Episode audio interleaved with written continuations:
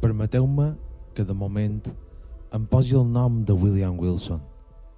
Aquesta blanca pàgina no pot ser atacada amb el meu veritable nom. Massa ha estat ja objecte de l'escant, de l'horror, de l'odi de la meva estirp.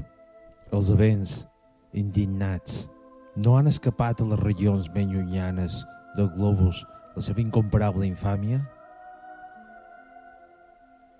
O proscrit, o tu, el més abandonat dels proscrits, no estàs mort per la terra? No estàs mort per les seves honres, les seves flors, les seves daurades ambicions? Entre les seves esperances i el cel no apareix suspesa per sempre una densa, lúgubre, il·luminat núvol? No voldria, encara que m'anés possible, registrar avui la crònica d'aquests últims anys de l'inexpressable dissort i imperdonable crim. Aquesta època, aquests anys recents, han arribat bruscament al súmum de la depravació, però ara només m'interessa assenyalar l'origen d'aquesta última.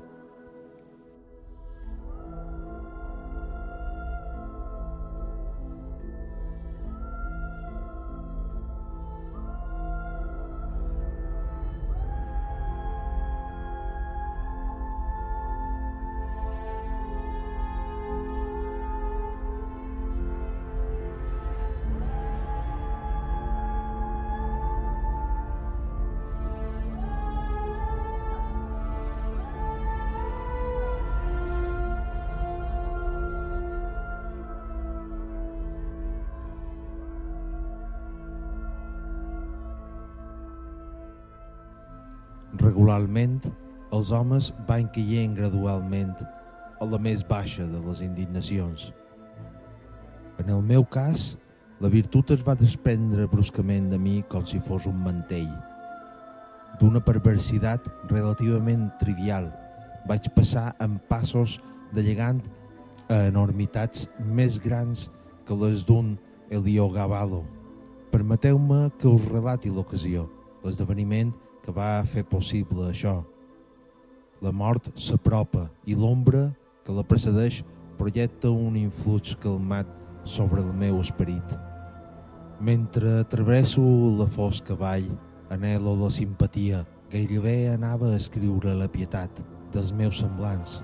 M'agradaria que creguessin que en certa mesura vaig ser esclau de circumstàncies que excedien el domini humà. M'agradaria que busquessin a favor meu en els detalls que vaig a donar, un petit oasi de fatalitat en aquest desert de l'error. M'agradaria també que reconeguéssim com no han de deixar de fer-ho, que si alguna vegada van existir temptacions semblants, mai un home va ser temptat així i mai va caure així. Serà per això que mai ha sofert en aquesta forma? Veritablement, o hauré viscut en un somni? No moro víctima de l'horror i el misteri de la més estranya de les visions sublumars? Fragment del relat William Wilson, Filadèlfia, 1849.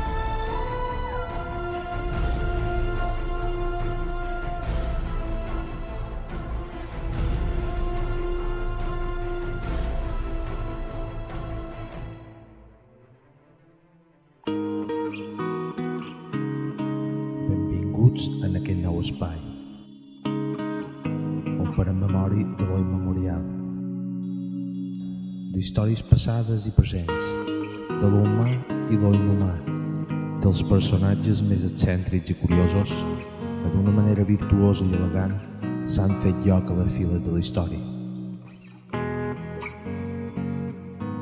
Anècdotes i curiositats d'aquesta bolla imperfecta anomenada Terra.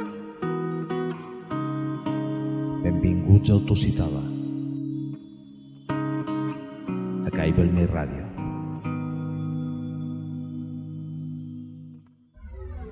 Contacta amb el Tucitala a través del correu electrònic programa tucitala arroba gmail.com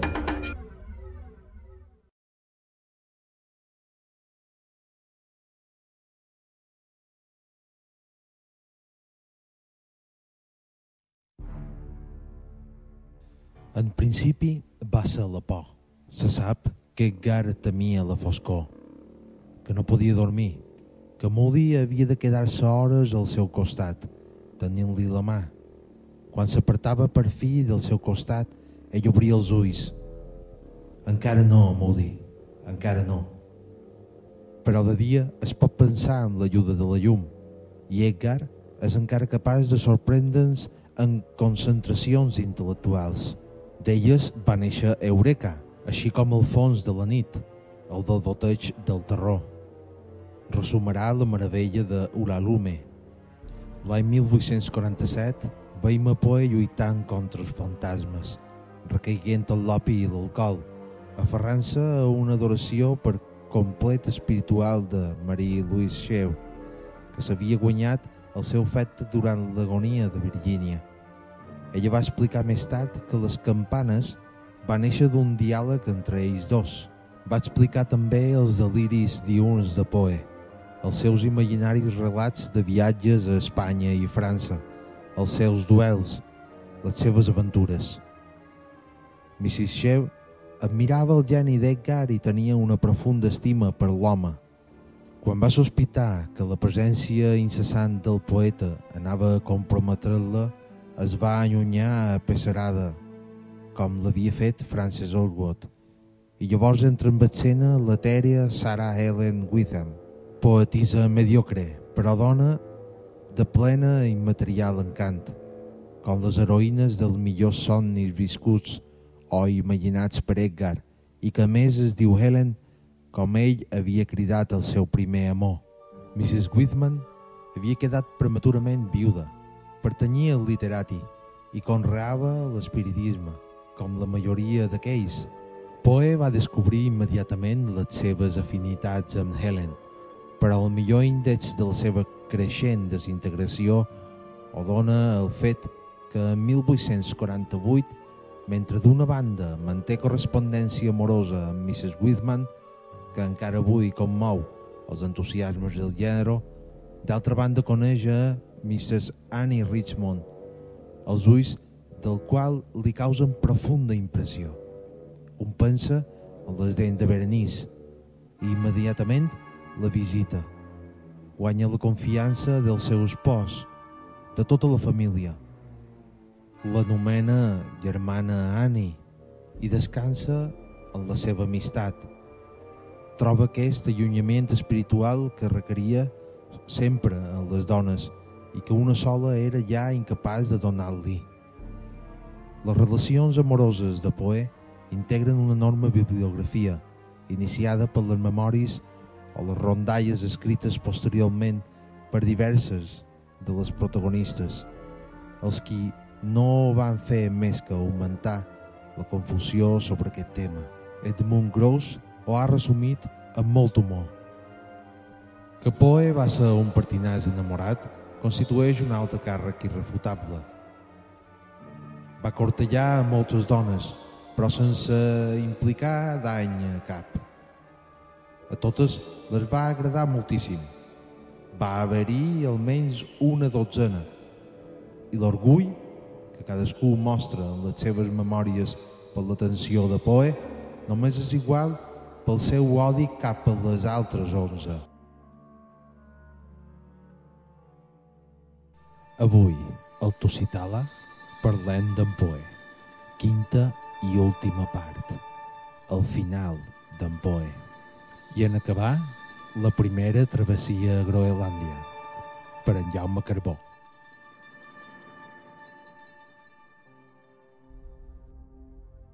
Els moviments d'Edgar en aquests últims temps són complicats, fluctuants, de vegades desconeguts.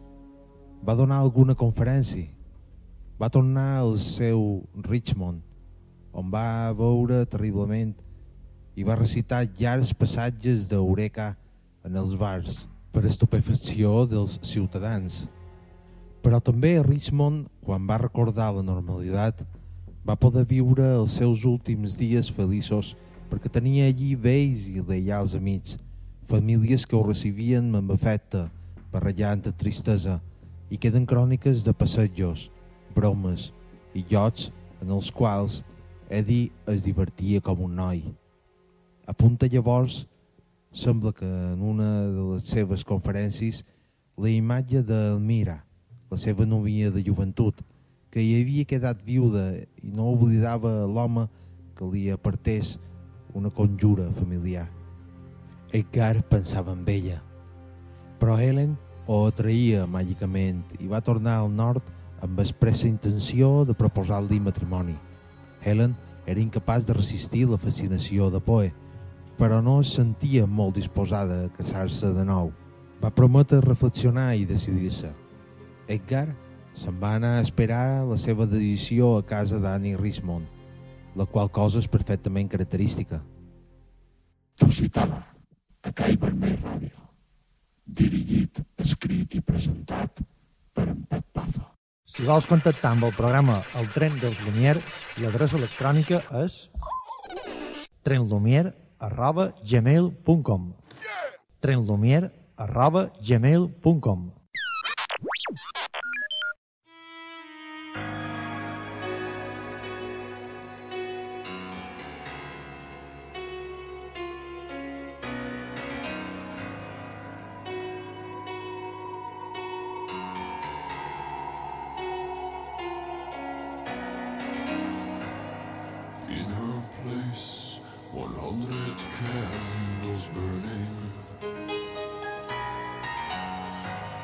A salty sweat drips from her breast.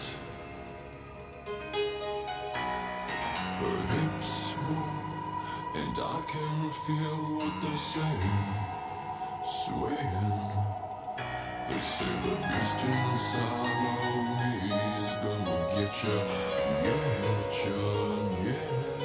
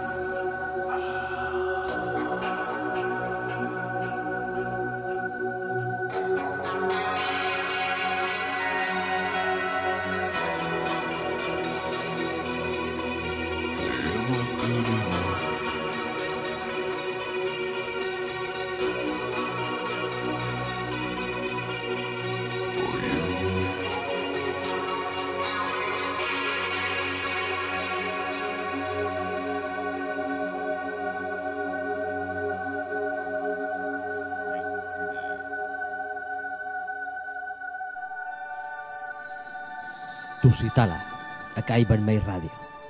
Dirigit, escrit i presentat per en Pep Pazo.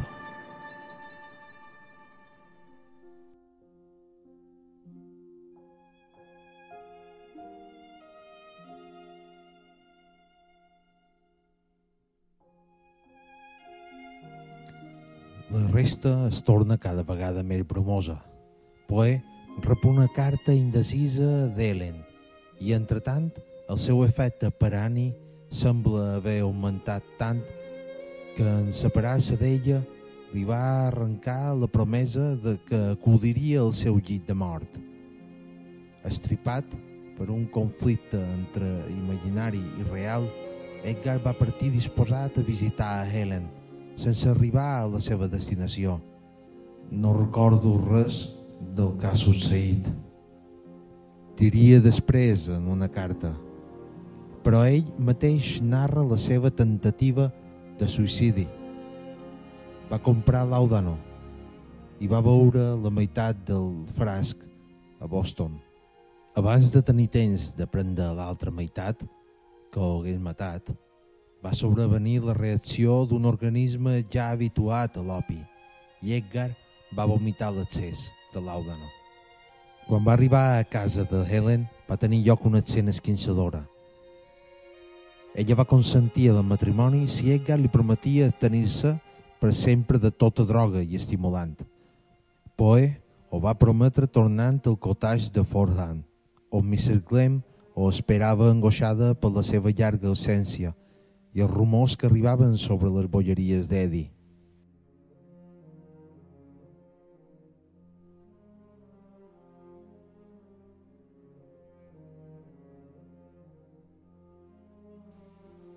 Qui vulgui entendre el poe d'aquests dies haurà de llegir la correspondència enviada des d'aquest moment a Helen i Annie, a alguns amics, la misèria, la inquietud, una angoixa que la promesa d'Helen no aconseguia esborrar. Es diria que tot el contrari, configuren el clima indefinible dels malsons. Edgar sabia que els literati batallaven per dissuadir a Helen i que la mare d'aquesta tremolava per les conseqüències del matrimoni. Li va disgustar profundament que en la redacció del contracte de noces els escassos béns de Mrs. Whitman anessin posat deliberadament a resguard del seu abast, com si li creguessin un aventurer.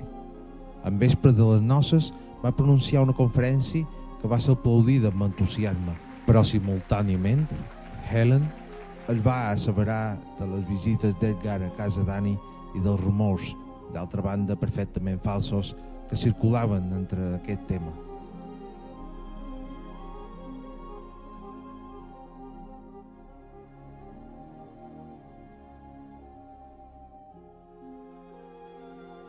Edgar havia begut amb uns amics, encara que sense embriagar-se. Tot això va provocar a l'últim moment la negativa d'Ellen. Edgar va suplicar en va. Ella va tornar a dir-li que l'estimava, però es va mantenir ferm i el poeta va retornar a Forham en un infern de desesperació. Potser aquest mateix infern li va ajudar a aixecar-se una vegada més, l'última. Escatllat pels rumors, la maleïda societat del literati i les seves mesquines querelles es va tancar en el costatge amb Mr. Glenn i va lluitar amb les restes de la seva energia per tirar endavant, editar, per fi, la seva mai oblidada revista i reprendre el treball creador. De gener a juny de 1849 va semblar agonar-se, esperar. Però hi ha un poema per Annie en el qual Poe es descriu a si mateix mort, feliç i abandonadament mort, per fi i definitivament mort. Era massa lúcid per enganyar-se sobre la veritat. Quan anava a Nova York, es lliurava al Laudano en desesperada videsa. Un admirador li va escriure llavors oferint-se a financiar la revista que tant havia desitjat. Era l'última oportunitat de la seva vida, era l'última carta. Però Edgar, com Pushkin, perdia sempre en el lloc i també va perdre aquesta vegada. Al final, comprèn dues terribles etapes en un interludi amorós.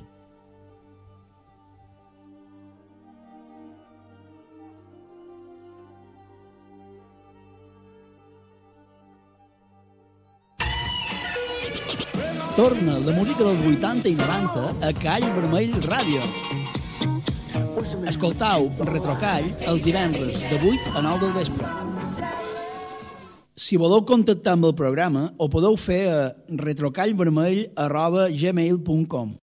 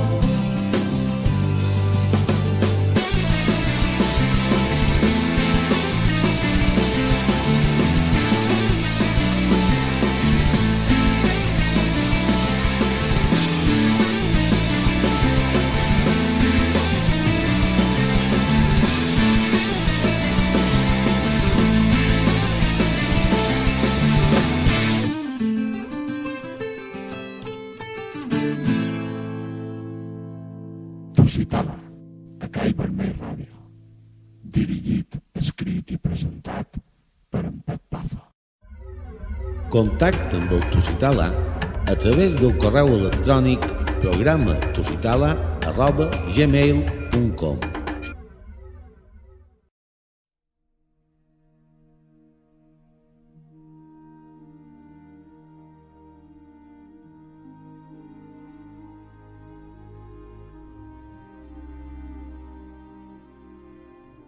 Arriba el juliol de 1849. Poe va abandonar Nova York per tornar a la seva ciutat de Richmond. No se sap per què ho va fer, com no fos mogut per un fosc instint de refugi i de protecció. Ple de presentiments, es va acomiadar de la pobra Moody, que no tornaria a veure-ho. D'una amiga es va separar dient-li que estava segur de no tornar. Plorava quan ho deia. Era un home amb els nervis a flor de pell, que tremolava a cada paraula. No se sap com va arribar a Filadèlfia, interrompent el seu viatge al sud fins a mitjan juliol, probablement després de molts dies d'intoxicació contínua. Edgar va entrar corrent en la redacció d'una revista on tenia amics i va reclamar desesperadament protecció. La mania persecutòria esclatava en tota la seva força. Estava convençut que Moody havia mort. Probablement va voler matar-se al seu torn, però el fantasma de Virgínia l'havia detingut. L'al·lucinant teoria va durar setmanes senceres fins que Edgar va començar a reaccionar. Llavors va poder escriure a Mrs. Glenn, però el paràgraf central de la seva carta deia amb prou feines veies aquesta carta, ens hem de veure immediatament. Hem de morir junts. Inútil tractar de convencer-me. Haig de morir. Els seus desolats amics van reunir alguns diners i ho van embarcar rumb a Richmond. Durant el viatge, sentir-se millor, va escriure una altra carta a Moody reclamant la seva presència. Lluny d'ella, lluny d'algú que ho acompanyés i cuidés, Edgar estava sempre perdut. El més solitari dels homes no sabia estar sol. Amb prou feines arribat a Richmond, va escriure una altra vegada. La carta és horrible. Vaig arribar aquí amb dos dòlars, dels quals et mano un. Oh Déu, mare meva, ens veurem una altra vegada? Oh, m'has de veure si pots. Les meves robes estan en un estat tan horrible i em sento tan mal. Però els amics de Richmond li van proporcionar els seus últims dies tranquils. Ben atès, respirant l'atmosfera, Virgínia, que després de tot era l'única veritablement seva.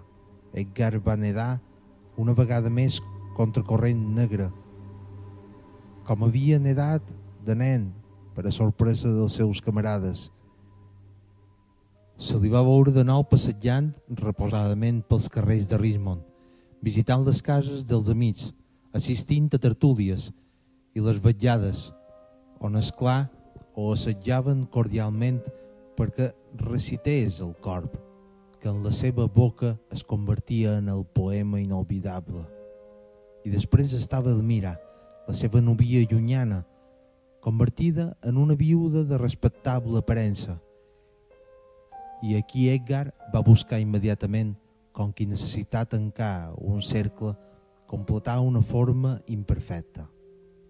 Després es diria que Edgar no ignorava la fortuna d'Elmira. Sens dubte no la ignorava, però és tan gratuït com a sòrbid veure en la seva tornada al passat una maniobra de caçador de dots. Elmira va acceptar immediatament la seva companyia, la seva amistat, el seu ràpid galanteig. En l'adolescència havia promès ser la seva dona. Els anys havien passat i Edgar estava una altra vegada aquí, fatalment vell i misteriós. Aureolat per una fama on l'escàndol era una prova més del geni que ho provocava. Elmira va acceptar casar-se amb ell i encara que va haver-hi una etapa de malentesos i algunes recaigudes d'Edgar, cap a setembre de 1849 el matrimoni va quedar definitivament concretat per al mes següent. Edgar es va decidir viatjar al nord a la recerca de Moody i per entrevistar-se amb Griswold, qui havia acceptat ocupar-se de l'edició de les obres del poeta. Edgar va pronunciar una alta conferència a Richmond, repetint el seu famós testa al principi poètic, i la delicadesa dels seus amics va trobar la manera de proporcionar-li els diners necessaris per al viatge. A les 4 de la matinada del 27 de setembre de 1849, Edgar es va embarcar rumb a Baltimore. Com sempre, en aquestes circumstàncies, estava deprimit i ple de presentiments. La seva partida a hora tan primerenca o tan tardana, doncs havia passat la nit a un restaurant amb els seus amics, sembla haver obeït a un soldat caprit seu. I des d'aquest instant tot es boira, que s'estripa aquí i allà per deixar entreveure el final. Aquest cercle viciós va haver de tancar-se una altra vegada a bord durant la travessia de Baltimore. Els metges li havien assegurat a Richmond que una altra recaiguda seria fatal, i no s'equivocaven. El 29 de setembre el vaixell va atracar a Baltimore. Poe havia de prendre allí el tren a Filadèlfia, però es veia necessari esperar diverses hores. En una d'aquestes hores es va segellar el seu destí. Se sap que quan va visitar un amic ja estava embriagat. El que va passar després és només matèria de conjetura. S'obre un parèntesis de cinc dies, al final dels quals un metge conegut de Poe va rebre un missatge presumptuosament escrit a llapis, informant-ho que un cavaller, més aviat mal vestit, necessitava urgent la seva ajuda. La nota procedia d'un tipògraf que acabava de conèixer Edgar. Estava gat i semi-inconscient, ficat en una taverna i envoltat per lo pitjor de Baltimore. Eren dies d'eleccions i els partits en pugnar feien votar repetides vegades a pobres diables i els que emborratxaven prèviament per portar-los d'un comici a un altre. Sense que existeixi prova concreta, el més probable és que Poe fos utilitzat com a votant i abandonat finalment a la taverna on acabaven d'identificar-ho. La descripció que més endavant faria el metge mostra que estava ja perdut per al món, tot sol en el seu particular infern en vida, lliurat definitivament a les seves visions. La resta de les seves forces va viure cinc dies més en l'hospital de Baltimore, les va cremar en terribles al·lucinacions, a lluitar amb les enfermeres que ho subjectaven, a cridar desesperadament a Reynolds, l'explorador polar que havia influït en la composició de Gordon Pym i que misteriosament es convertia en el símbol final d'aquestes terres del més enllà que Edgar semblava estar veient, així com Pym havia entrevist la gigantesca imatge del gel en l'últim instant de la novel·la. Ni Moody, ni Annie, ni Elmira van estar al costat d'ell. Doncs ho ignoraven tot. En un interval de lucidesa, sembla haver demanat si quedava alguna esperança. Com li diguessin que estava molt greu, va rectificar. No vull dir això, vull saber si hi ha esperança per a un miserable com jo. Va morir a les 5 de la matinada del 7 d'octubre de 1849. Les seves darreres paraules van ser que Déu tingui pietat de la meva pobra ànima. Més tard, biògrafs entusiastes li farien dir altres coses. La llegenda va començar gairebé de seguida.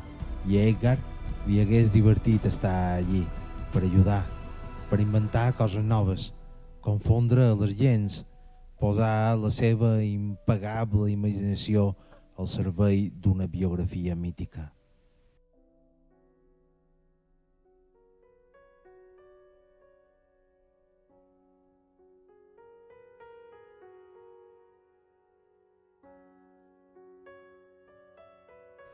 Fins aquí aquest homenatge a la figura d'Edgar Allan Poe. Estens, però no podria ser menys. Vos recoman que, per favor, llegigueu qualcun dels seus relats, qualcun dels seus poemes, la seva única novel·la, Les aventures d'Arthur Gordon Pym, El Corp. Vos recoman també que no tanqueu la visió de l'autor en aquest programa, que cerqueu més informació sobre ell. Si vos agrada escoltar radioteatre, fa uns anys es va fer un programa que és de històries a Ràdio Nacional. Si cercau a l'Ivots, trobareu un apartat que vaig crear amb varis relats d'autors com eh, Edgar Allan Poe, com en Julio Verne i d'altres, tots magistralment radiats per un equip de professionals de Ràdio Nacional d'Espanya. El director del programa era en Juan José Plans.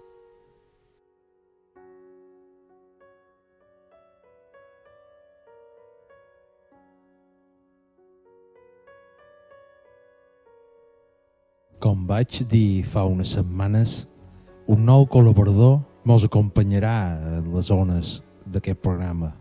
Ell és en Jaume Carbó i en aquesta ocasió mos contarà el periple de la primera travessia a Groenlàndia. Espero que vos agradi.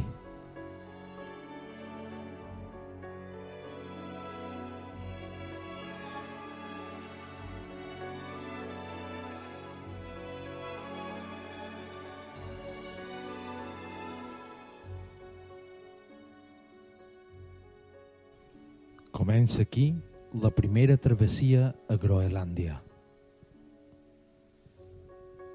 El darrer terç del segle passat, l'illa més gran del món, Groenlàndia, constituïa encara un territori quasi completament desconegut. Les costes havien estat relativament explorades i existien diversos enclavaments de colonització danesos i part d'alguns poblats esquimals. Però de l'enorme extensió interior no se'n sabia pràcticament res.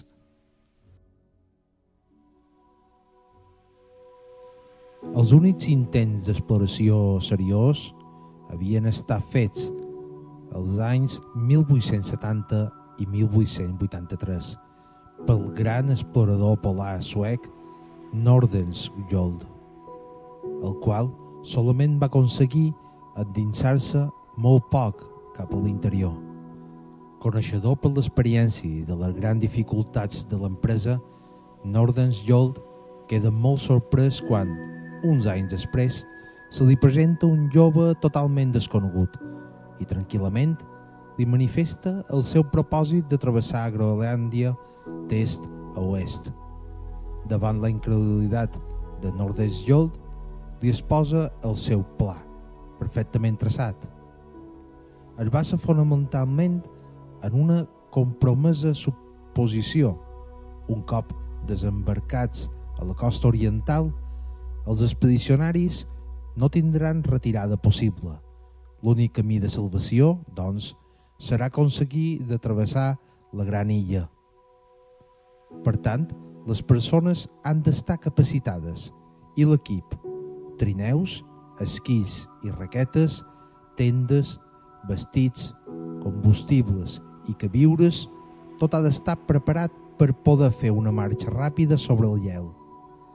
Els problemes del projecte han estat curiosament estudiats i les solucions que s'hi donen són tan realistes i pràctiques que Nordensjold queda convençut de la seva viabilitat i acaba encoratjat vivament la seva realització. El jove Nonsen, noruec, té 27 anys i ha estudiat Ciències Naturals. Als 18 anys ha aconseguit el campionat d'esquí del seu país. També ha anat embarcat amb un vaixell balaner a fi d'estudiar la vida de les foques. Sense fer cas de les seves crítiques i fins i tot de les riotes que el seu projecte d'Arbela tan aviat és conegut públicament, Nansen prepara minuciosament la seva expedició. Escull com a companys tres noruecs més, Otto Sverdrup, Olaf Dietrichson, Christian Trana i dos lapons, Balto i Rana.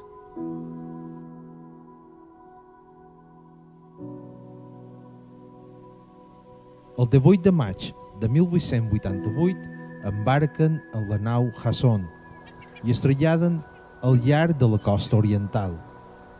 A mitjan juliol encara són a bord, esperant una ocasió favorable. El dia 17 decideixen que no poden esperar més. Embarquen en la seva xalupa i intenten d'arribar a terra a través de les masses de gel flotants. La cosa no és fàcil i, empesos pel gel, deriven inexorablement cap al sud. Fins al dia 29 no aconsegueixen de guanyar la costa, però han derivat tant que ara els cal renuntar 400 quilòmetres de costa cap al nord per assolir un nivit, punt previst de sortida. És el 15 d'agost quan inicien definitivament l'arriscada travessia en direcció a Christianhab, sobre la costa occidental. D'entrada, els cal superar el mur de gel del front de la glacera i la gola que es troba a l'altre costat. Després, la glacera es presenta més plana i poden progressar fàcilment. La marxa aviat es tornarà duríssima, perquè cadascun d'ells ha d'arrossegar un pesat trineu enmig d'aquell desert de gel, allò que els fa sofrir més és la set.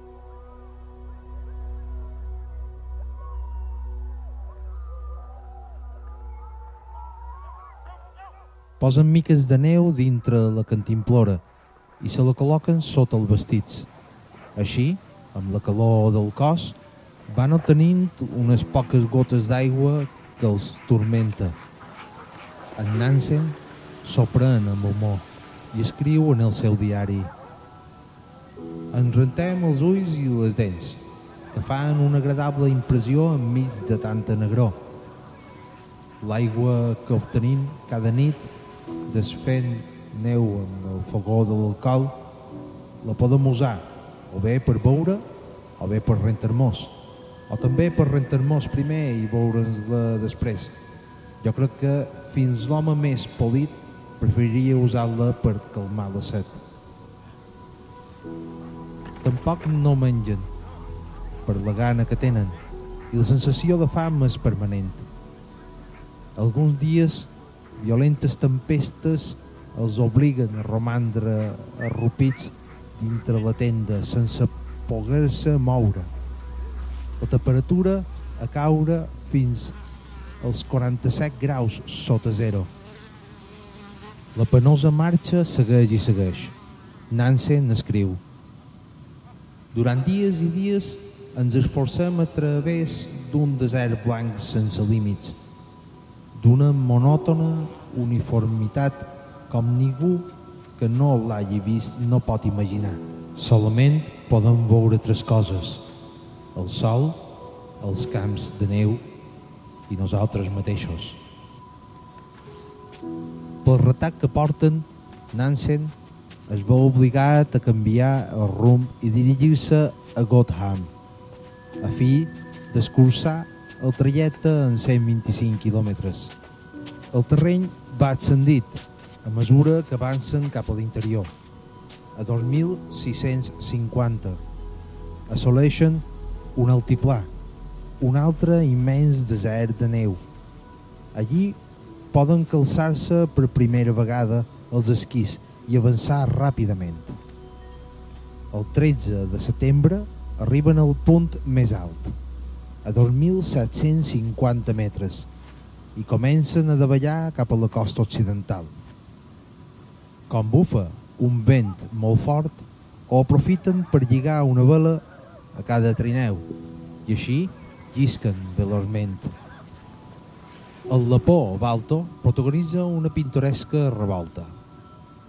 Qualificat de diabòlica aquella manera de navegar tan lluny del mar, finalment s'hi ha de resignar, sobretot quan comprova que així s'estalvia d'arrossegar el feixuc trineu.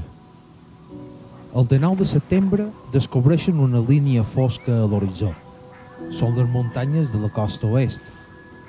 L'alegria és immensa, sobretot per part del Lapó Rana, el qual, no comprenent com Nansen podia determinar la posició i les distàncies i que havia perdut qualsevol esperança d'arribar. De seguida es concedeix un premi, una petita rajola de xocolata a cadascú. L'alegria no els dura gaire. El terreny canvia i aviat es troben en una zona on nombroses i grans esquerdes són un perill continu. Els esforços, els sobresalts i les angúnies posen a prova el coratge i la resistència dels cansats expedicionaris. Diverses vegades estan a punt de perdre els trineus i la càrrega. Finalment, el 24 de setembre, els sembla impossible de tornar a trepitjar líquens, pedres i herba. Dos dies després, arriben a la vora de la mà. La primera travessia de Groenlàndia ha estat aconseguida. Gotthard es troba encara a un centenar de quilòmetres, mentre la resta del grup baixa caminant per la costa. Nansen i Esderdrup s'avancen navegant en una petita barca improvisada, que anomenen mitja barca, que ha construït amb trossos de trineu i veles. En arribar a Gotthard, un funcionari danès els surt a rebre i els pregunta qui són i d'on venen. Nansen, amb senzillesa, li diu «Soc Nansen», respon, «i venim de l'interior». Sabuda la proesa realitzada, un petit canó dispara unes salves d'honor. En Nancy posteriorment en farà reflexió. El so del canó ens ha saludat quan hem abandonat la civilització. I el so del canó és la primera salutació que ens ofereix la civilització quan la trobem. Es pot ser que el so del canó sigui el símbol de la nostra cultura? Estic gairebé tentat a creure-ho.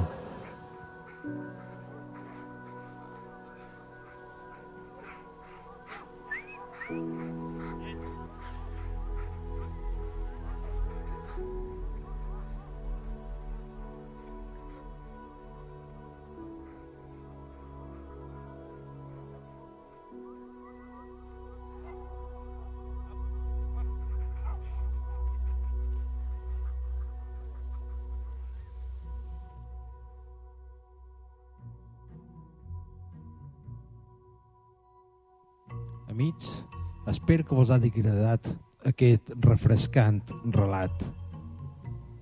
La primera travessia a Groenlàndia. N'hi haurà més.